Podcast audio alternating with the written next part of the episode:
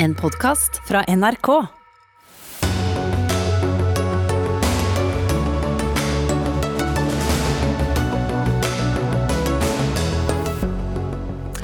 Alle har det i kjeften, men ikke alle, alle har pengene til å behandle dem. Det blir omkamp om tannhelsereform i Dagsnytt 18. Befolkningen sulter i Nord-Korea. FN advarer om at landet kan være tomt for mat allerede nå i august. Befolkningen livnærer seg på kriselagre. Koronasmitten stiger i Norge. Snart er det skolestart. Bør også barn vaksineres? Og migranter og flyktninger forsøker igjen å ta seg til Europa. Hvordan har europeiske ledere tenkt å takle det denne gangen? Ja, dette er noen av sakene i dagens Dagsnytt 18. Jeg heter Espen Aas. Vi skal også snakke om en viss 25-åring fra Ulstein og hans raske fart over en rekke hekker klokken ti på halv seks i morges. Men vi skal begynne, å, begynne denne sendingen med å snakke om det å gå til tannlegen. For det å gå dit kan bli dyrt, og har du lav inntekt, vel, så er det all grunn til å regne med at du vegrer deg for å gå dit. SSB skrev i en ny rapport som ble publisert i går at svært mange vegrer seg for å gå til tannlegen, i en rapport om sosial ulikhet i bruk av helsetjenester.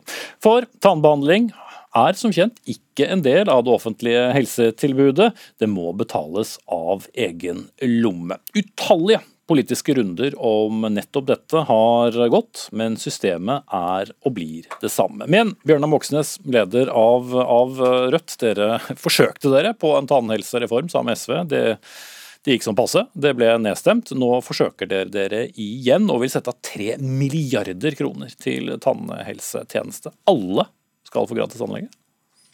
Ja, altså Vi har en velferdsstat som er helt uvurderlig ved at uh, helse er en rettighet, ikke noe som avhenger av lommeboka di. Men så er det ett unntak, da, og det er hvis du har uh, får sykdom eller skade i munnhulen. Da er det mer amerikansk. Da er det lommeboka som avgjør, og det mener vi er urettferdig. Uh, det, er, det øker forskjellene, og det rammer de som har psykiske sykdommer, de som har, rammes av hjerneslag, av, av, kreft, hjerteinfarkt. Det er noe som øker forskjellene, og det mener vi skal rettes opp i. Så den store nye reformen i Norge, mener vi, det er jo å behandle tenna som en del av kroppen og innføre gratis tannhelse for alle. Og Det vil bety at vi er nødt til å føre en skattepolitikk hvor de som har mest, direktørene, milliardærene, betaler litt mer til fellesskapet.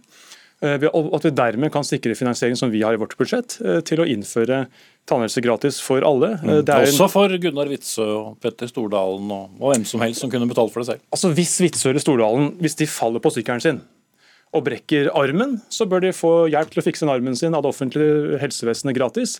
Hvis de også får en skade i munnhulen, bør det også repareres av det offentlige.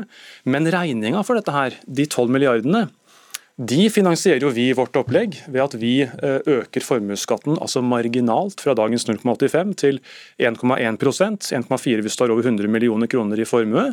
På den måten så har vi råd til dette her. og Så er spørsmålet da, om vi har en, et nytt flertall, en venstreside, som vil stå opp for fellesskapsløsningene, stå opp for universell velferd i offentlig regi, og inkludere tenna og munnhulen i helsevesenet, eller som vil insistere på å flikke på Høyres system, flikke på et amerikansk system, hvor som, lommeboka avgjør. som vi har hatt lenge. Ta med deg hodetelefonen, så kanskje vi skal Ja, eh, få, få et lite svar. Du skal få komme Ja. tilbake senere. Tellef Inge Mørland, du er stortingsrepresentant for eh, Arbeiderpartiet. Dere har også partifestet en tannhelsereform, men det som eh, Bjørnar Moxnes eh, og Rødt og, og SV ønsket seg, det vil ikke, vil ikke dere ha. Hva, hva er din løsning?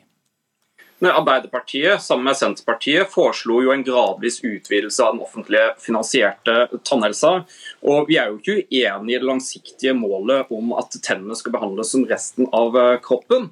Så hvorfor vil dere vi må ha en realistisk plan, hvis ikke så holder vi folk for narr. Og det var ikke sånn at Bjørnar Moxnes sto og dingla med 12 milliarder eh, på talerstolen fra Stortinget før sommeren og sa vær så god, her er de pengene.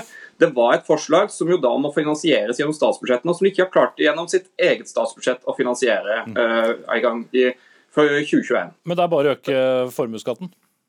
Ja, men så er det jo, det er jo Arbeiderpartiet og tilhengere men så må vi jo innrømme at det er jo andre gode formål også, som det må konkurreres om. For eksempel er vi opptatt av det som handler om SFO, kommunene sin økonomi, sykehus og den delen der. Derfor så må det skje på en realistisk måte med en gradvis innføring. Og da har Vi sagt at vi begynner med de yngste, der vi sørger for å utvide gratis tannhelse opp til 21 år.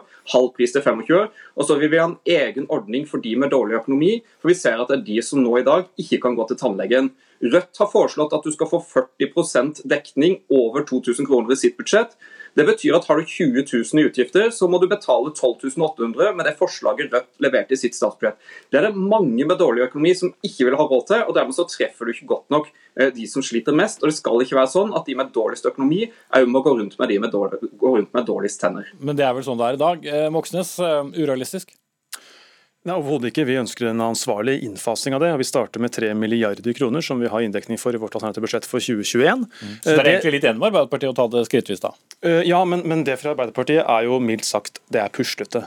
Eh, det er defensivt, og det er å flikke på Høyres system, hvor de altså skal behovsprøve og tilpasse grupper som har, er altså verdig trengende. Eh, vi, I stedet har vi Norge en tradisjon for, historisk, at vi sier at helse det er en rettighet. Det er ikke behovsprøvd, det er en rettighet. og Hvis du skader deg, får en sykdom, så får du hjelp av fellesskapet. og Det finansierer vi ved at de som har de sterkeste ryggene, tar den tyngste børa gjennom skattlegging av de som har mest. Det prinsippet her er per dag ikke anvendt hvis noe skjer med munnhulen din. Det mener vi er helt ulogisk. Det, det, det og Arbeiderpartiet har følgende problem i denne debatten her. Og det er at Arbeiderpartiet har gått til valg på å frede 80% av de borgerlige skattekuttene til landets rikeste. Hvis de står fast ved det, da er det null penger til å sikre både gratis tannhelse, eh, kommuneøkonomien og ytterligere styrking av velferdsstaten. Hvis de derimot er med, med, oss på å skjerme vanlige folks inntekter, øke skattene for Gustav Magnar Witzøe, Jon Fredriksen og andre rikinger, så har vi penger nok til å bygge ut velferdsstaten og sikre universell tilgang til tannhelse. Okay, ikke behovsprøving, ikke amerikanske modeller. Spre pengene på, på, andre ting. Vi skal ta inn en, en tredje person nå, nemlig uh, Sveinung Stensland, stortingsrepresentant eh, fra Høyre. Altså, denne rapporten fra, fra, SSB sier ikke hvor mange som ikke har råd til å betale for tannhelse, men den sier at det spiller en avgjørende rolle i hvorvidt man oppsøker tannhelsehjelp. Bør vi ha det slik eh, i Norge, Stensland? Vi må gjøre noen endringer, og vi har gjort eh, en del endringer i det her òg. De første fire årene vi styrte, så var det faktisk 25% flere som fikk ytelser gjennom disse ordningene vi har, og økte utbetalingene med 25 Det er en halv milliard i økning bare den første perioden. For inneværende periode har ikke de samme tallene. Så det bildet som tegnes her, det er ikke helt riktig. Det er over én million nordmenn som tar del i ytelsene som, som, finnes allerede. Det er flere grupper som får gratis tannbehandling, og flere som får støtte til tannbehandling. Og det finnes òg egenandelsordninger for enkelte av skadene. Men det store flertallet betaler selv? Det store flertallet betaler selv, og det store flertallet har god tannhelse. Faktisk er Norge helt på topp når det gjelder tannhelse. Vi har en veldig god ordning og god eller lite karis og lite tannråte i Norge. Så, sånn, sett, så, sånn sett, så hvis vi skal bruke mer penger på helse, så er det andre områder der skoen trykker mer. Og hvis vi skal hjelpe de som ikke har råd til tannbehandling, så hjelper det ikke med nok en universell ordning. Og med Rødt sitt opplegg så vil alle de som har frikort, få gratis tannbehandling. En million nordmenn vil automatisk få gratis tannbehandling, og det er ikke rett å gjøre det sånn som vi har det nå. Eh, SSB sier da at 78% av befolkningen i landet har god tannhelse, og ja, det er et stort eh, flertall, det Stensland. Men eh, for å snu på tallene, at det da er fortsatt 22 av befolkningen som ikke har det, det er ganske mange mennesker som da kvier seg for Eh, å bruke penger på noe så enkelt som, som tennene, og som lurer på hvorfor ikke tennene er en, en del av kroppen, som har blitt den uh, politiske klisjeen rundt dette opp gjennom årene. Ja, altså, for å si det sånn, så er det sånn, Hvis du er rusmisbruker, så havner du inn i grupper som får gratis tannhelse. Hvis du bor i institusjon, så får du gratis tannhelse. Vi har flere sånne grupper. Er du ung, så får du gratis tannhelse. Og Løsningen må være å jobbe videre med det. Utvide de ordningene vi har, gjøre de ordningene bedre. Men Løsningen... ikke gjøre den universell? ikke gjøre den universell, og i alle fall ikke ta den inn i egenandelsordningen, for da får vi automatisk tenner. Alle som i dag får frikort fordi at de har store ja, helseytelser for å gå til lege, vil da få gratis tannlege. Det finnes ordninger. Eh, problemet er at de som eh, trenger ordningene, eh, om det så er overgrepsofre, kreftsyke, sjelden har kraft til å stå på barrikadene, finne fram i jungelen av byråkrati og kunne kreve sin, sin rett. Det er ofte mer effektivt med universelle løsninger framfor behovsprøvde. Det har i hvert fall vist seg i norsk historie. At vi altså har et mer effektivt helsevesen når det er rettighetsbasert, tilgjengelig for alle universelt offentlig, mm. framfor å ha private løsninger. Det er mye dyrere, mer byråkratisk med amerikanske løsninger, som er altså behovsprøvde og privatiserte. Så jeg tenker jo som så at hvis Høyre er bekymra for eh, kostnadene som dette vil medføre, så kan vi ta en prat eh, om skattepolitikken. Om at høyreregjeringer på 2000-tallet har kutta skattene med 60 Nei, milliarder kroner. For dette handler om å sikre finansieringen av å få tetta det største eh, gapende hullet i velferdsstaten, som er at vi mangler universelt tilgjengelig gratis tannlege. Og vi ser at de gruppene som er hardest ramma, ifølge SSB-rapporten, det er de som har uh, psykiske uh, sykdommer, uh, de som har kroniske sykdommer.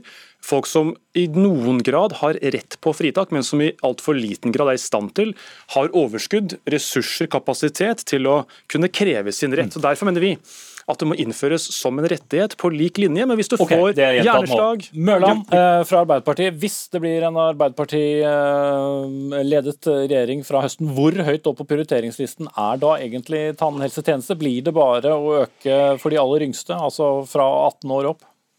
Nei, som sagt så har jo vi allerede i våre budsjetter ordninger både for de med spesielle sykdomsdiagnoser, og vi har òg jo forslag rundt det som går på eh, dårlig økonomi. og jeg synes jo Denne debatten eh, viser godt at skillet går mellom høyresida, som prinsipielt mener at tennene er mindre verdt enn resten av kroppen, og venstresida som ønsker en utvidelse av de ordningene, og ikke først og fremst mellom Arbeiderpartiet og Rødt i så måte. Men når, når Moxnes da hevder at vi lager en ordning for verdig trengende, det gjør vi ikke. Målet er en universell ordning. Men når Rødt foreslår at det er bare toppen av regninga for de dyreste tannlegeregningene du skal begynne med, ja, så betyr det at det er et system som passer godt når du bor i en villa på Nordstrand, men for de med dårligst økonomi, så treffer du ikke. og Det er der vi må eh. begynne. Når vi ikke har råd til 12 milliarder fra starten av, da må vi begynne med ordninger som sørger for at alle har mulighet til nødvendig tannhelsebehandling. Vi klapper igjen der. Bjørnar Moxnes, leder av Rødt, Tellef Inge Mørland, stortingsrepresentant fra Arbeiderpartiet, og Sveinung Stensland, stortingsrepresentant fra Høyre. Vi har også snakket med Tannlegeforeningen. De sier til oss i dag at de er ikke imot gratis tannhelse, men vil prioritere det annerledes. Men sier også at de er bekymret for alle som ikke har råd til tannbehandling.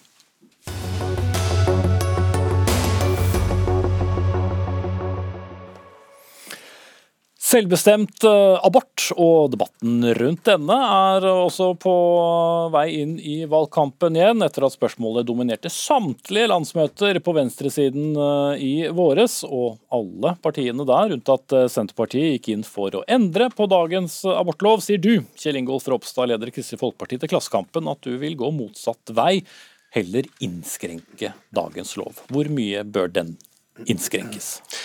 Vi har jo sagt at når teknologien stadig vekk utvikler seg, en redder barn stadig tidligere, så er det jo et paradoks at venstresida med SV bl.a. i spissen, da, som ønsker fri abort til uke 22, eller til levedyktighet. Så når en nå vet mer, redder tidligere, så, så, ønsker vi heller å gå motsatt vei og ha en lov som styrker menneskeverdet for ufødt liv. Men, men hvor tidlig da? Altså men, hvor langt tilbake? Vi sier jo veldig tydelig i det nye programutkastet vi har, om at vi ønsker et nytt lovverk som, som bygger på at fosteret skal ha menneskeverd, og samtidig ivaretar kvinnes sin trygghet og helse. Eh, og at hvis en skal ha et nytt lovverk, så må det være òg som del av et ønske fra Stortinget og en grundig utredning som vil peke en retning i et primærstandpunkt, uten å komme med de eksakte svarene. Si så det er ikke noe eh, eksakt antall uker? Nei, og jeg vil si det i starten av debatten at, at abortdebatten den er veldig vanskelig. Og det er dilemmaer som er der. og det, det er vanskelig å snakke om det. og Jeg har selv trådt feil med mine uttalelser i det. og KrF sin intensjon har aldri vært å gjøre det vanskeligere for, for kvinner som står i et veldig vanskelig valg. Men det er jo utrolig viktig å ta debatten. Og dagens lovverk bygger jo på et prinsipp om at etter veke tolv så kommer det inn stadig mer rettsvern for barnet. Eh, og når det er levedyktig, og i dag satt vi ca. veke 22, så er det jo absolutt. Og, og i dag så er det jo for 12 til 18 så er det bare på gitte kriterier at det er lov, og etter uke 18 fram til uke 22 så er det på veldig veldig få vilkår. Og Det som i realiteten foreslås fra nesten en samla venstreside, og ikke minst fra SV, det er jo å fjerne all rettsvern for ufødt liv fram til uke 22, og det er utrolig radikalt. SV skal straks komme til ordet om nettopp det, men det er ikke noen nullvisjon fra Kristelig Folkepartis uh, side når det gjelder aborter. Selv om jeg vet at mange av dine velgere mener jo at uh, liv er, er, liv fra, fra unnfangelse. Men du som KrF-leder uh, er åpen for selvbestemt abort. Altså, KrF har ikke vært for et totalforbud mot abort, det har vi aldri vært. Men, men vi er for å redusere antall aborter. Og Derfor er jeg veldig stolt over at siden jeg tror det er 2012 så var aborttallene på ca. 15 000 i året. Nå er de nede i ca. 11 000. Og Det tror jeg er tverrpolitisk gledelig, fordi det betyr at det er færre som må stå i det vanskelige valget og ta den tøffe beslutninga. Eh, altså Vi har tredobla engangsstønaden, som betyr at du får nå nesten 100 000 kroner eh, som et utgangspunkt hvis du ikke opparbeider rettigheter. Gratis okay. prevensjon, de type tiltak. og Der kommer jeg til å fortsette innsatsen for å få ned antall aborter. Men, men, den vanskelige aborten er jo egentlig den som handler om hva som skjer mellom uke 12 og, og, og uke 20, og for så vidt uke, uke 22, og, og, hva en kvinne skal gjøre da. Kirsti Bergstø, du er nestleder i SV, har diskutert dette her før. Blir det nå en ny abortkamp, tror du, eller har dere på venstresiden, dersom dere får eh, flertall etter eh, valget, stanset en ny runde? Vi ønsker en ny abortlov, eh, og det er fordi vi ønsker å erstatte nemndene med at kvinner skal bestemme sjøl over egen kropp. Og Det er fordi vi syns at nemndsystemet sånn som det er i dag, er gammeldags, og at det derfor er kvinnen sjøl som skal ta nettopp det vanskelige valget som vi snakker om her. Mer ansvar for kvinnen. Og så er det jo spørsmål eh, mer ansvar, men også bedre rådgivning. Eh, fordi vi er nødt til å ha et godt faglig støttesystem rundt den enkelte kvinne som står i et krevende valg. Og så er det store spørsmålet vil det innebære store endringer i praksis.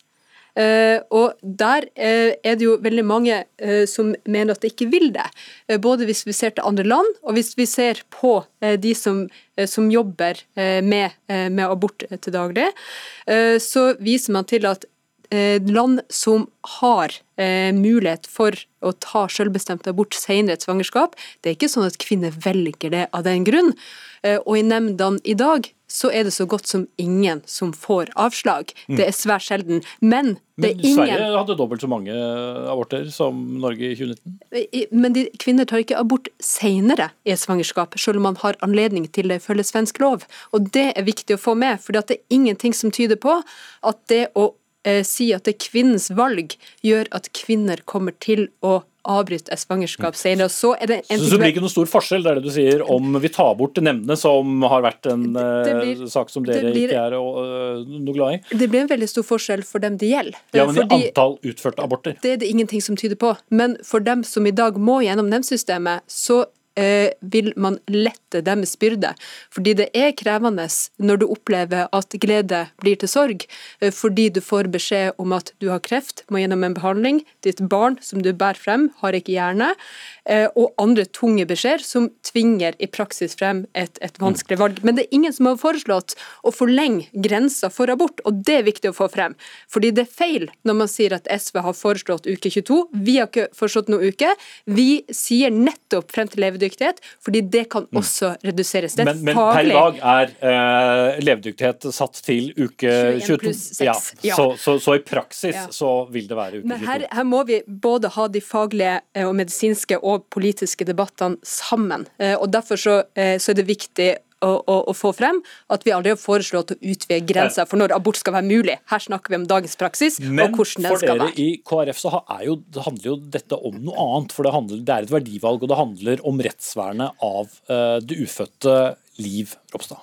Ja, og, og, det er klart at jeg er jo uenig i at ikke det er noen forskjell. Det er en radikal forskjell. fordi at i dag, etter veke tolv, så sier samfunnet at en, en, en, vektlegger nettopp det menneskeverdet det ufødte livet har. En ser dilemmaet mellom de to partene, og gradvis så får barnet større og større rettsvern.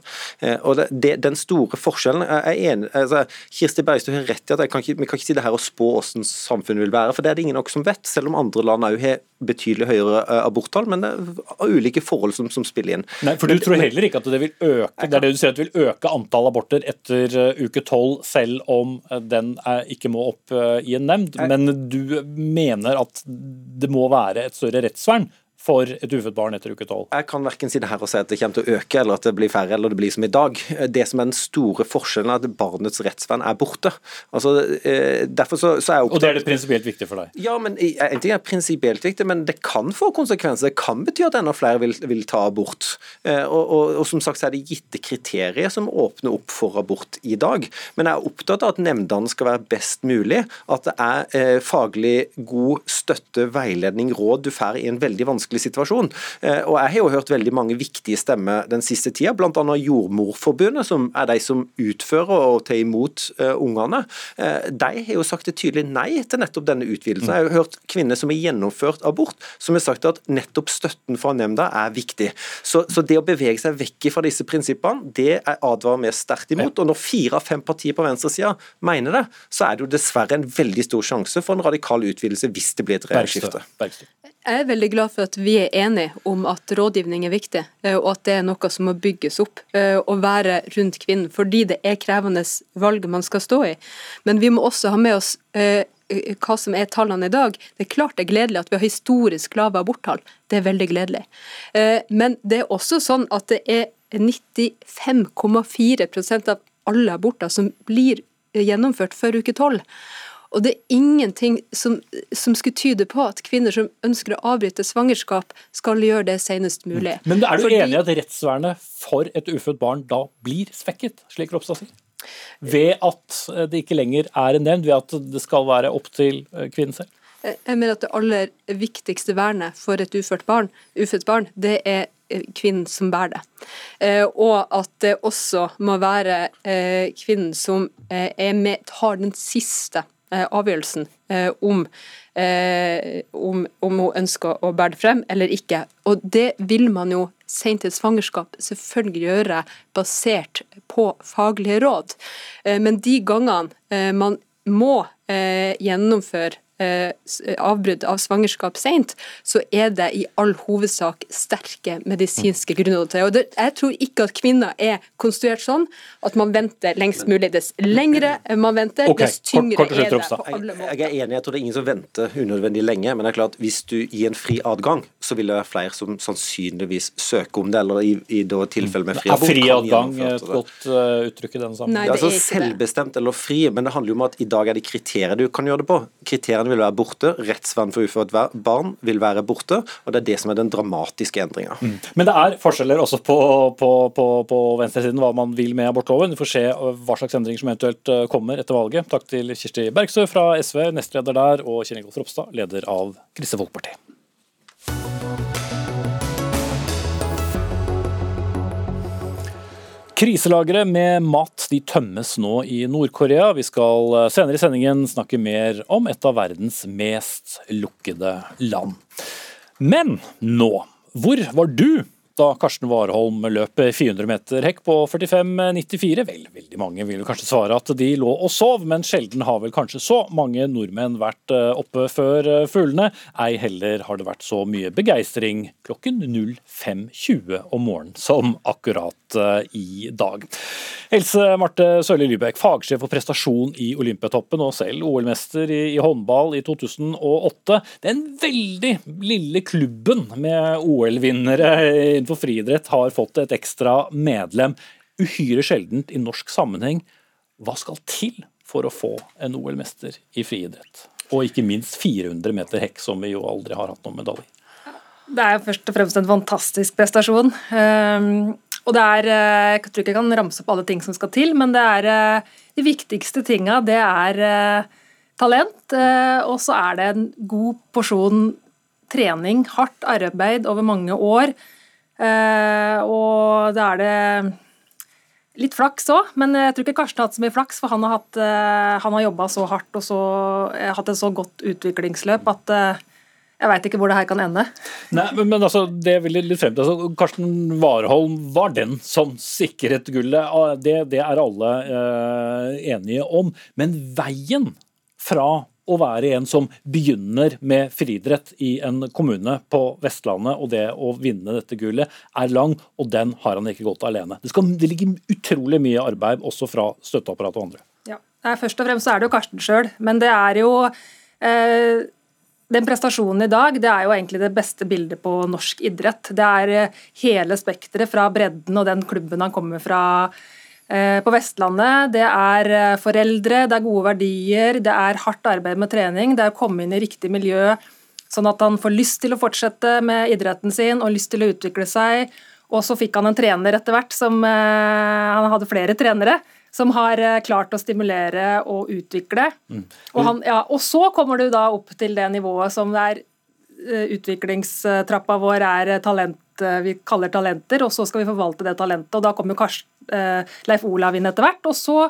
Som er, som er treneren som vi straks skal, skal snakke om. Men vi har jo ikke hatt noen suksessoppskrift. Slik lager vi en, eh, en OL-vinner i, i, 400 meter uh, hekk. Nei. Og det er jo den uh, oppskriften som Leif Olav og Karsten sammen har utvikla. Og så har de, har de, vært åpne for innspill og, og, søkt råd og faglig hjelp dersom de trenger det. Og det er der kanskje Olympiatoppen kan komme inn som en bitte liten del av det, for å optimalisere noen ting. F.eks. ernæring er en, en ting som vi kan hjelpe med.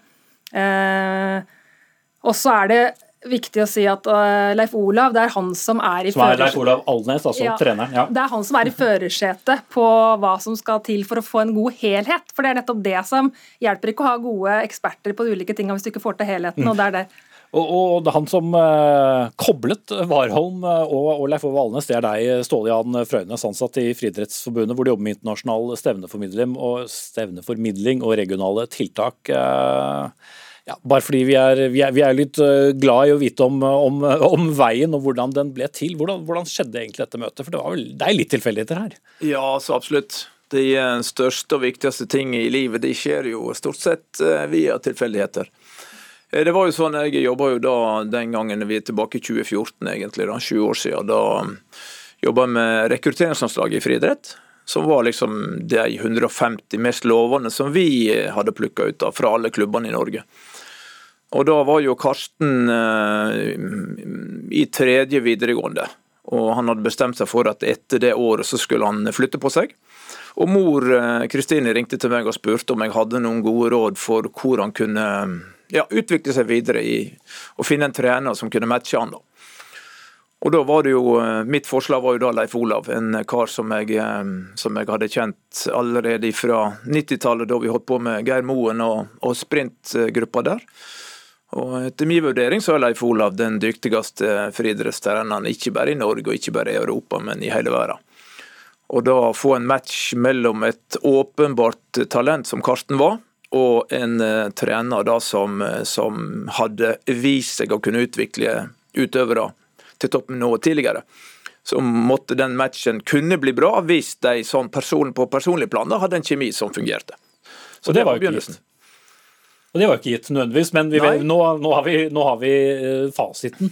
Men går det an Libek, å snakke noe om altså, hva, hva, det koster av ikke bare blod, slit og tårer, men, men penger? En, en, vei da fra hva er det, sju år eller noe sånt, siden du eh, koblet det til to, og, og til eh, at hele Norge hopper rundt omkring i ekstase? Ja, Det er et godt spørsmål. Vi har ikke gjort noe regnestykke på det, men det er jo alt fra de anleggene som er, de trenerne, den frivilligheten som har blitt lagt ned, til det støtteapparatet som er rundt i dag.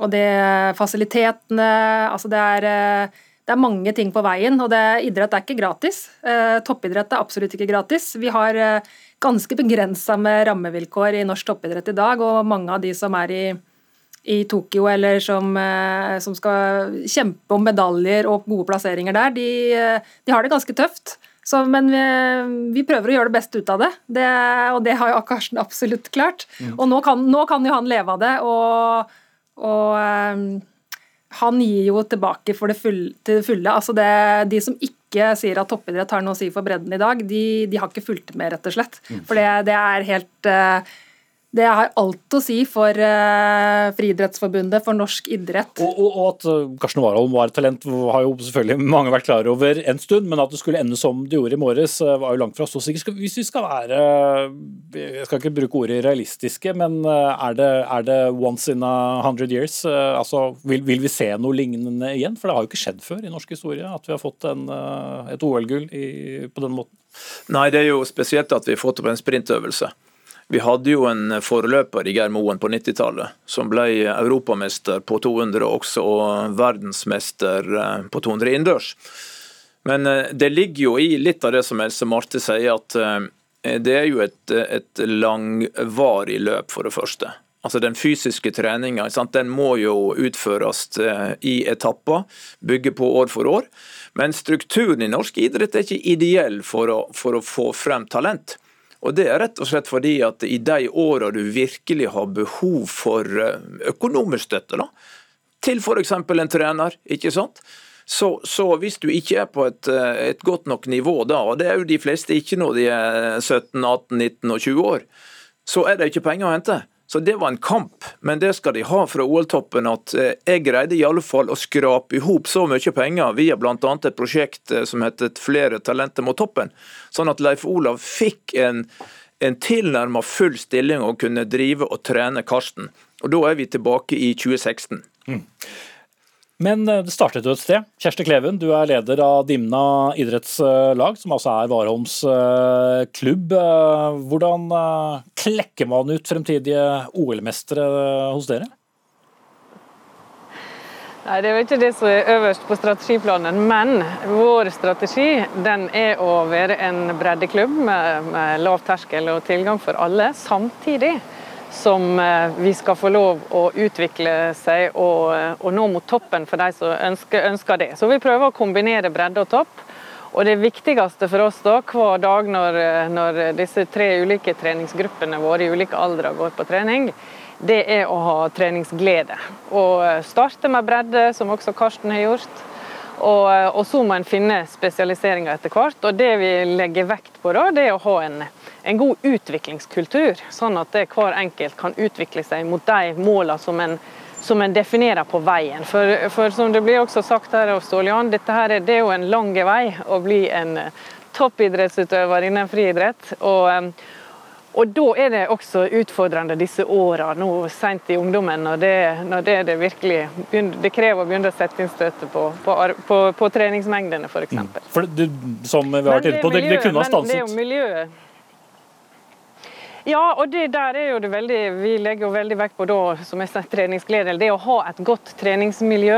Det, at det, skal, bli, det skal være kjekt, du skal ha det kameratslige, og du har venninnene dine der. og er, så klubb, Klubbmiljøet tror jeg er, er viktig, fram til du kommer til det steget der du må du må virkelig gå mot toppen. og Da, du, da må du alliere deg med andre ressurser, slik som, som også Karsten gjorde. da. Mm. Men kan, kan, dette på et eller annet vis institusjonaliseres, eh, Kleven? Altså, du eh, står jo i den, den første fasen, og, og, og sikkert har også sett det som kunne blitt store talenter, men som har endt opp med å gjøre noe annet. Ja da, det er, det er, jo andre ting her i livet også. Men, men ja, altså institusjonalisere. Altså, du kan jobbe med, med, strukturen din i klubben. Sørge for at eh, klubben ikke er avhengig av bare én eller to, to ildsjeler f.eks.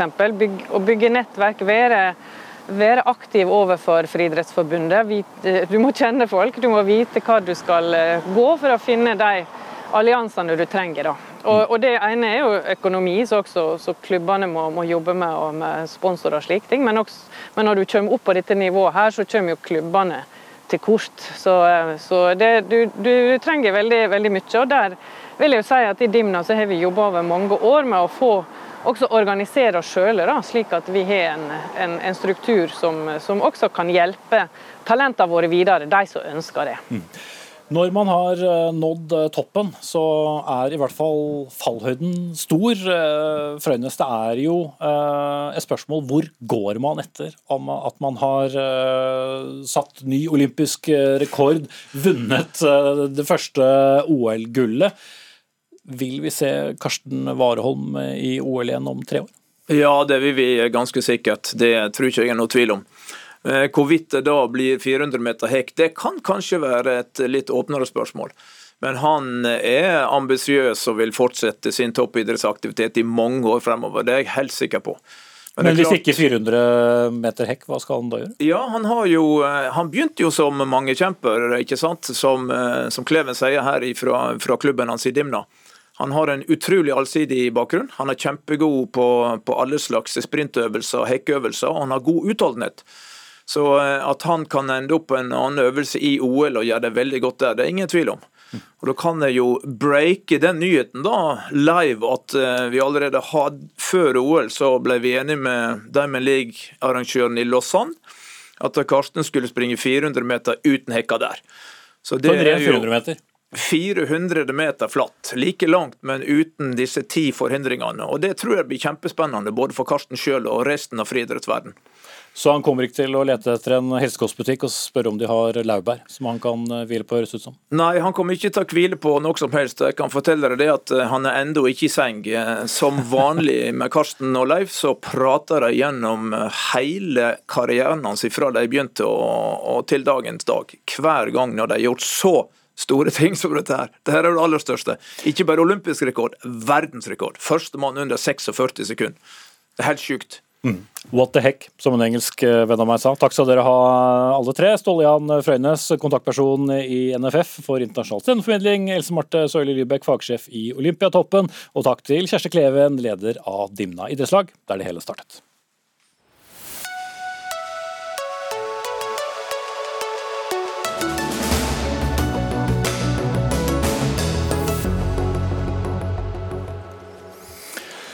Vi skal eh, endre tema til eh, noe langt eh, mindre lystig. Vi skal snakke om den humanitære situasjonen i diktaturet Nord-Korea.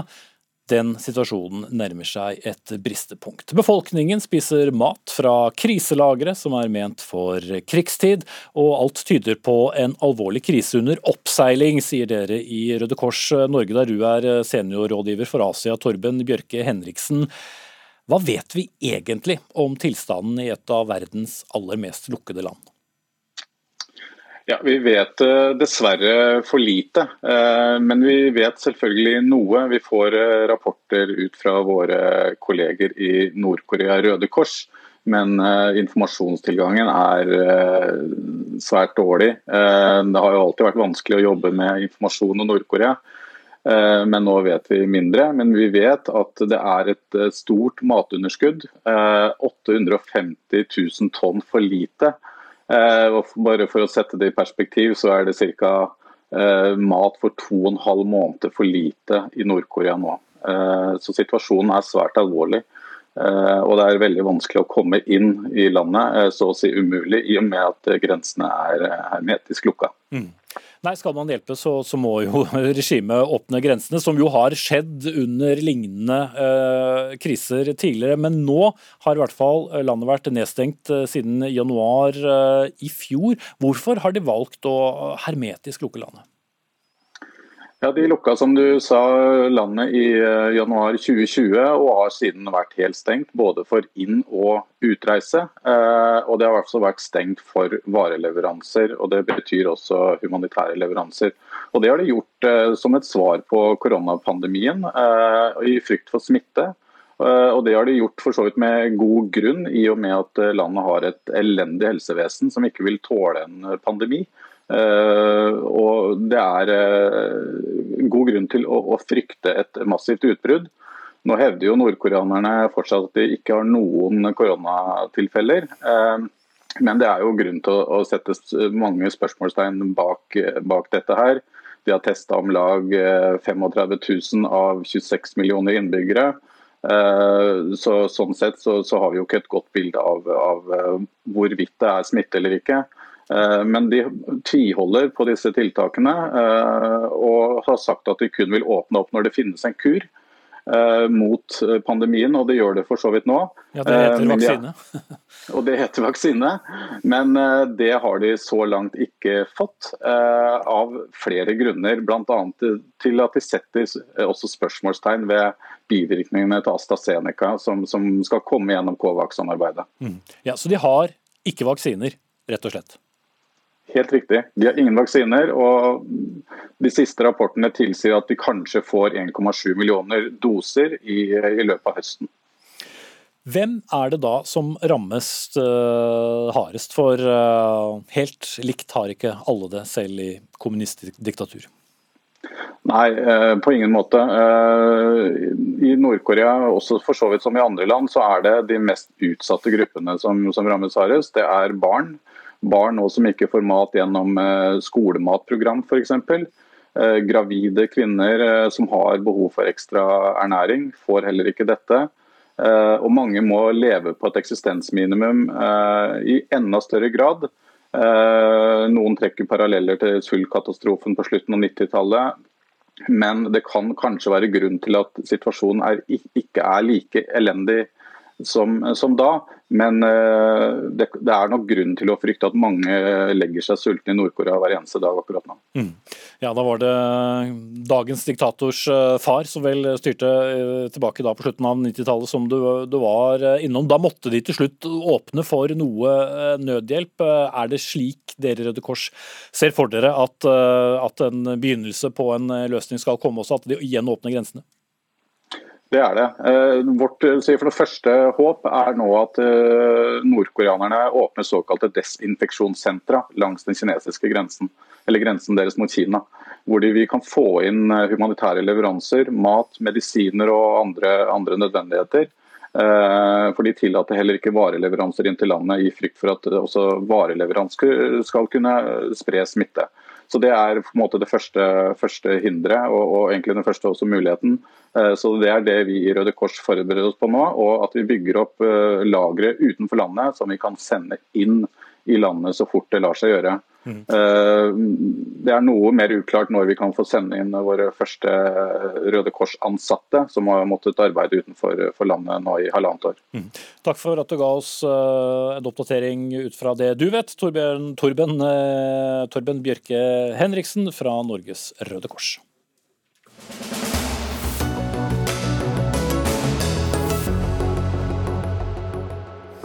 Mens eh, nærmere 70% av befolkningen har fått sin første dose med vaksine, mange også har fått dose to, så står flere generasjoner med uvaksinerte skolebarn klare til eh, skolestart. For eh, vaksinen den gis som kjent kun til de som er over 18 år, med mindre man er i en svært utsatt gruppe medisinsk.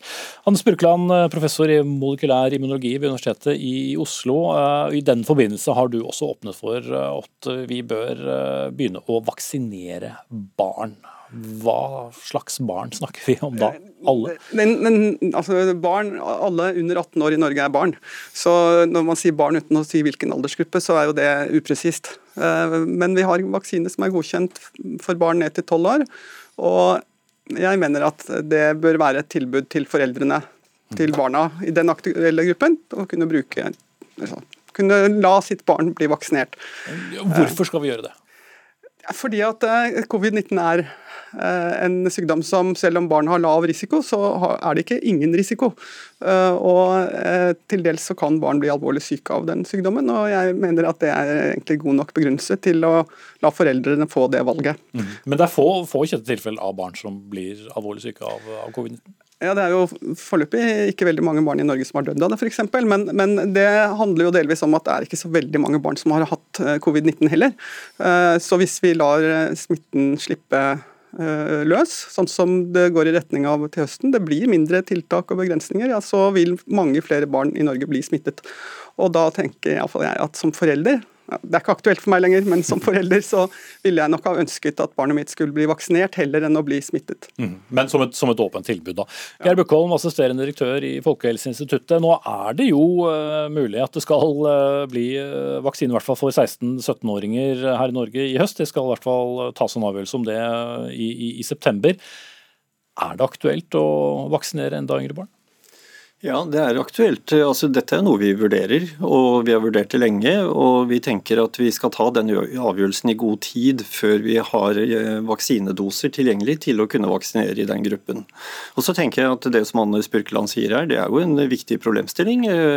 Eh, men eh, som det også er sagt, altså vi har to vaksiner som er godkjent ned til 12 år. De som er i en risikogruppe av barn mellom 12 og 17 år, de får jo nå allerede tilbud om vaksine.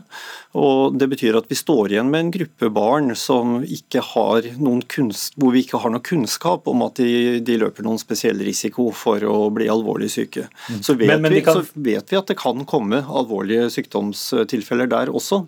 og Det er den vurderingen som blir viktig nå å ta fremover. og Se hva er, hva er risikoen og hva er, hva er gevinsten for disse barna ved å ta en vaksine. Så I tillegg til det så er det jo den samfunnsmessige nytten. Altså det, nå ser det ut til at vi får vaksinert en ganske stor andel av den voksne befolkningen. Vi kan komme til å overstige 90% men, men det kan allikevel være slik at det kan være nyttig å eh, vaksinere en enda større andel av befolkningen. og Den vurderingen gjøres jo også hele tiden.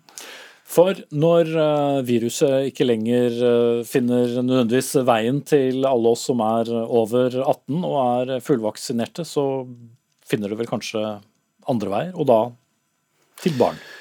Ja, vi må regne med at uh, den delen av befolkningen som ikke er vaksinert, at de mye lettere kommer til å bli smittet nå. Fordi at man vil jo lette på tiltakene, og, uh, og effekten av det er jo at uh, når vi har vaksinert mange, så er det få som blir syke, men til gjengjeld så får viruset en større anledning til å spre seg.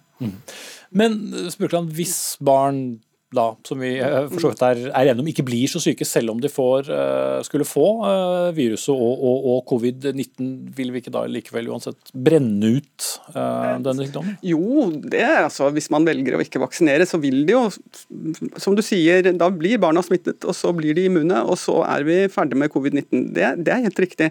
Men, men Sjansespillet er for stort, er det det? Ja, som forelder så ville jeg følt meg urolig. Nå har vi ett og et halvt år brukt mye tid og oppmerksomhet på det viruset. Barn har måttet ta en god del av belastningen med begrensninger på hva de kan få gjøre for noe. Og så skal vi avslutte pandemien med at de tar støyten og blir infisert, når alle vi andre har takket ja til vaksinen. Jeg liksom føler på at nei. Og så er det en ting til som jeg syns er relevant i denne sammenhengen, og det er at de viru det viruset vi snakker om, den covid-19 vi snakker om, er jo den vi hadde i fjor, eller i mars. Mens den vi får nå til høsten, det er delta-varianten, som eh, kanskje oppfører seg annerledes enn de tidligere variantene. Det vet vi ikke ordentlig. Slik at det er noen usikkerheter der også som gjør at jeg som forelder da ville foretrukket vaksinen, fordi vi tross alt vet mer om den enn deltaviruset i forhold til barn. Og vi vil jo helst ha skoler som kan være på, på grønt nivå, Bøkholm. Og, og kostnaden hvis eh, viruset skulle spre seg i yngre aldersgrupper, vil jo da kanskje være at vi ikke kan ha det. Ja, Nå vil vi jo styre etter eh, sykdomsbyrde i samfunnet, slik at det som kommer til å være avgjørende, er hvor mange som blir syke. Eh, Så vet vi jo, Det er jo en del spørsmål knyttet til dette som, eh, som vi ikke har svaret på ennå. Men, men det vi jo vet så langt, er at eh, når vi tar vekk de barna som ikke er i risikogruppen, så er nok risikoen for at de blir alvorlig syke, den er lav. Og Så må vi se hvordan vi styrer dette. Det kommer til å være en prioritet å holde skolene åpne. Det blir veldig viktig for oss fremover. Men frykter du som, som Spurkland delta-varianten, eller, eller kommende varianter som ikke vi kjenner ennå? Eh, Når det gjelder delta-varianten, så tenker nok vi at eh, for det første de vaksinene vi har gir en god beskyttelse for alvorlig sykdom. og Ved fullvaksineringsnivå så har vi også en god beskyttelse i forhold til spredning. Og vi har ikke noe data i dag som tilsier at den er spesielt farlig for de barna som ikke har risikofaktorer. Så må vi jo hele tiden ha en beredskap for at det kan oppstå nye varianter. Det skjer mutasjoner i dette viruset kontinuerlig. Og hvis det kommer varianter som tilpasser seg den situasjonen vi er i forhold til vaksinasjon og immunitet i befolkningen, så må vi være åpne for at det kan skje. Men akkurat nå har vi ikke noe informasjon om, denne, om nye varianter som truer situasjonen. For eh, 21% av Norges befolkning er, er under 18 år, så det er snakk om mange mennesker. Det, det er snakk om eh, mange mennesker, men det er jo også snakk om, eh, om mennesker som da i stor grad eh, har liten risiko generelt sett for å bli, bli syke av dette. Men dette er jo som sagt en vurdering vi må ta, og det er også en vurdering hvor politikerne må inn og, og, og si sitt. Så og så er det jo vår rolle å, å vurdere dette som Folkehelseinstitutt og, og, gi råd til myndighetene rundt dette. Men vurderingene går jo da Spurkland, på, på, på sykehusinnleggelser. det har jo hele tiden vært eller i hvert fall en av de viktige parameterne. Bør man tenke annerledes når det gjelder de, den andelen nordmenn som nettopp er under 18? Ja, nei, det er helt enig i at det er, det er, sykehusbelastningen som har vært det styrende hele tiden. Og Det gjør jo også at jeg måtte tar barna litt i forsvar her. fordi de, de, løper en lav risiko. De kommer ikke til å blokkere sykehusavdelingene med alvorlig sykdom, de gjør ikke det. Men, men hvis man lar smitten går gjennom barnebefolkningen, ja, så vil noen av barna få alvorlig sykdom. Og, eh, og det vil være skremmende nok for de det gjelder. Så det er vel mitt perspektiv. da, mm. At, at jeg, jeg, prøver å, å, å, forsvare foreldrenes eh, valgmulighet her. Mm. Og, og, uansett, kort og slutt, Bukon, Det vil jo likevel da altså, holde smitten gående da, i, i, samfunnet, selv om man ikke nødvendigvis blir syk av det? Ja, og vi tror vel at dette er et virus som kommer til å sirkulere. Og, og det vil nok sirkulere helt uavhengig om man oppnår immunitet ved hjelp av vaksiner eller ved hjelp av naturlig infeksjon. Mm. Kommer til å bli det kommer til å bli. Og så tenker jeg også Det er viktig å få frem at eh, selv om vi har brukt sykehusinnleggelser som en parameter for alvorlig sykdom og belastning av helsetjenesten, så er det jo ikke sykehusinnleggelser som vil være det primære i forhold til vurdering av nytten for barna. Det er jo hvordan barn vil oppleve denne, denne sykdommen, og om det kan komme også langtidskomplikasjoner. Eh, som ikke fører til sykehusinnleggelser, men som gjør at de vil eventuelt ha nytte av en vaksinasjon. Skolestart er i hvert fall eh, ikke langt unna, så vi får eh, se hvordan barna blir påvirket. Takk til Geir Bøkholm, assisterende direktør ved Folkehelseinstituttet, og Anders Burkland, professor i molekylær immunologi ved Universitetet i Oslo.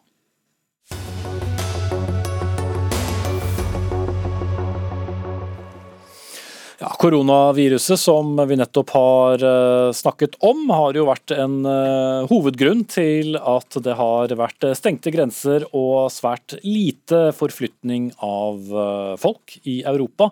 Også når det gjelder migranter eller asylsøkere som vil inn i Europa. Ja, har vært for nå, kan i hvert fall noen ting tyde på at dette er i ferd med å snu igjen. At på nytt mange forsøker å finne veien inn til Europa og flere europeiske land. Mange er allerede på plass. Jan Pål Brekke, forsker to ved Institutt for samfunnsforskning. Vi er langt unna der vi var før pandemien, men noe er i ferd med å skje. Ja, det er mulig nå at det er det at det er lettere å bevege seg mellom landene, og at grensene har mindre kontroll, mindre fysisk kontroll, gjør at det er lettere og flere som beveger seg gjennom Europa. Eh, men det er helt annerledes enn bildet som du sier fra 2015 og disse bevegelsene hvor man så folk som gikk langs veiene. Sånn er det ikke i det hele tatt. Det er fortsatt veldig lave tall, men noe mer bevegelse og noe mer oppmerksomhet, i hvert fall i Europa rundt dette. Ja, og Hvilke ruter er det da som brukes eh, inn til Europa nå? Hva, hva, er det vi ser? Ja, Det er altså tre hovedveier som eh, asylsøkere og migranter bruker inn til Europa. Denne irregulære trafikken. Det ene er vestlig, altså fra Marokko Marokko til Kanariøyene og Spania. Det er en rute som har fått en del oppmerksomhet siste halve året. Eh, og så er det en midtre rute fra Libya, Tunis til eh, Italia hovedsakelig. Og så er det denne østlige ruten som tidligere har fått mye oppmerksomhet, fra Tyrkia til Hellas. Det er liksom tre ruter, en vestre, en midtre og en østre. Og det er litt forskjellige grupper som kommer de ulike stedene, og litt forskjellig sammensetning og litt, litt forskjellig dynamikk i hver av disse eh, rutene. Men, men, vi har sett altså litt mer aktivitet i denne til Spania og, og, og den midtre ruten til Italia enn en mellom eh, Tyrkia og Hellas. Det har vært veldig, veldig få ankomster så langt i år. Mm. Morten Bøås, eh, forsker 1 ved Norsk utenrikspolitisk eh, institutt. Hva tror du er grunnen til at det er økt bevegelse av, av migranter mot Europa nå?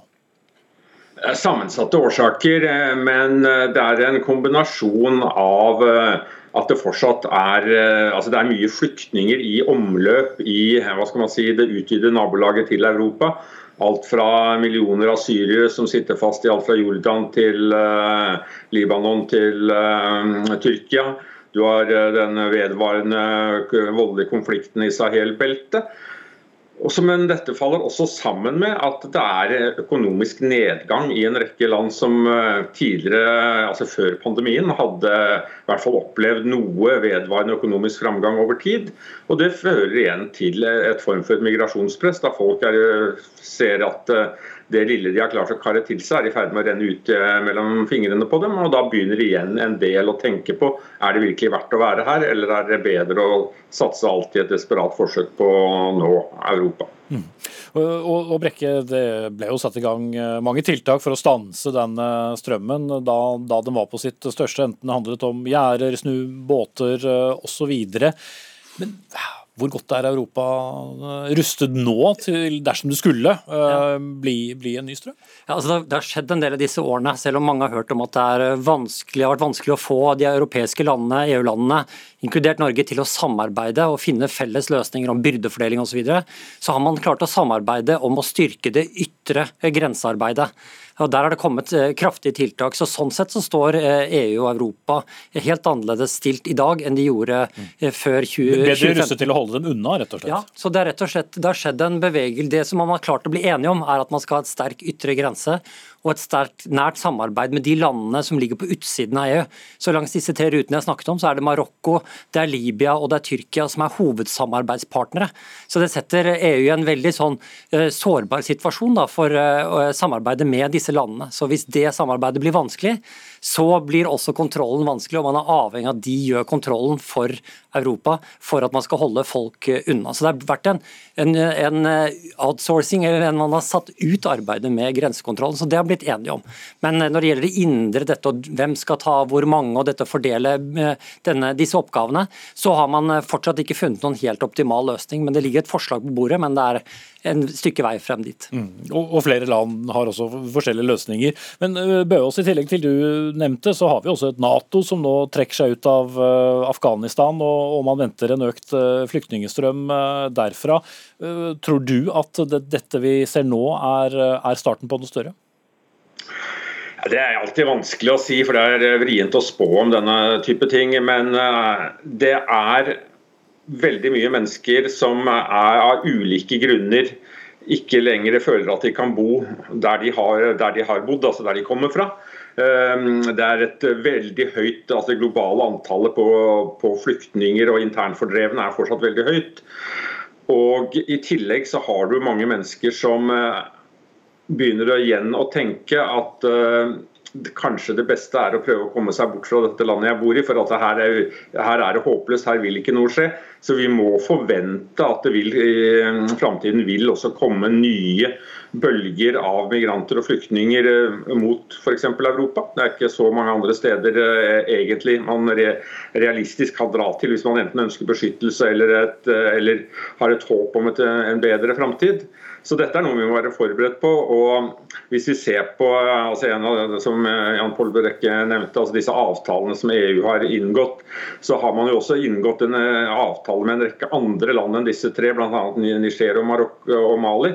Og Der ser vi jo det at det er store problemer med disse avtalene i Mali, fordi at eh, landet er i en så stor eh, politisk eh, krise, en, en borgerkrigslignende tilstand, at det er vrient å få noen ting til å virke i det hele tatt.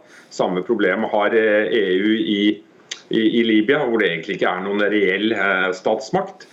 Sånn at dette forsøket på å bygge hva skal man si, mer usynlige murer rundt Europa gjennom den type avtaler, er nok i beste fall noe som kan gi pustepauser for Europa når det gjelder eh, migrantstrømmer. og Spørsmålet er om man må tenke helt nytt både rundt flyktningkonvensjoner og de eh, internasjonale instituttene og reglene som skal regulere dette her, for å komme fram til mer bærekraftige løsninger. Et, et langt lerret å bleke det der, men, men, eh, men, Brekke, fordi, eller vi som følger britiske medier, så har vi også sett at det har vært et stort eh, økende antall små små gummibåter over den engelske kanal.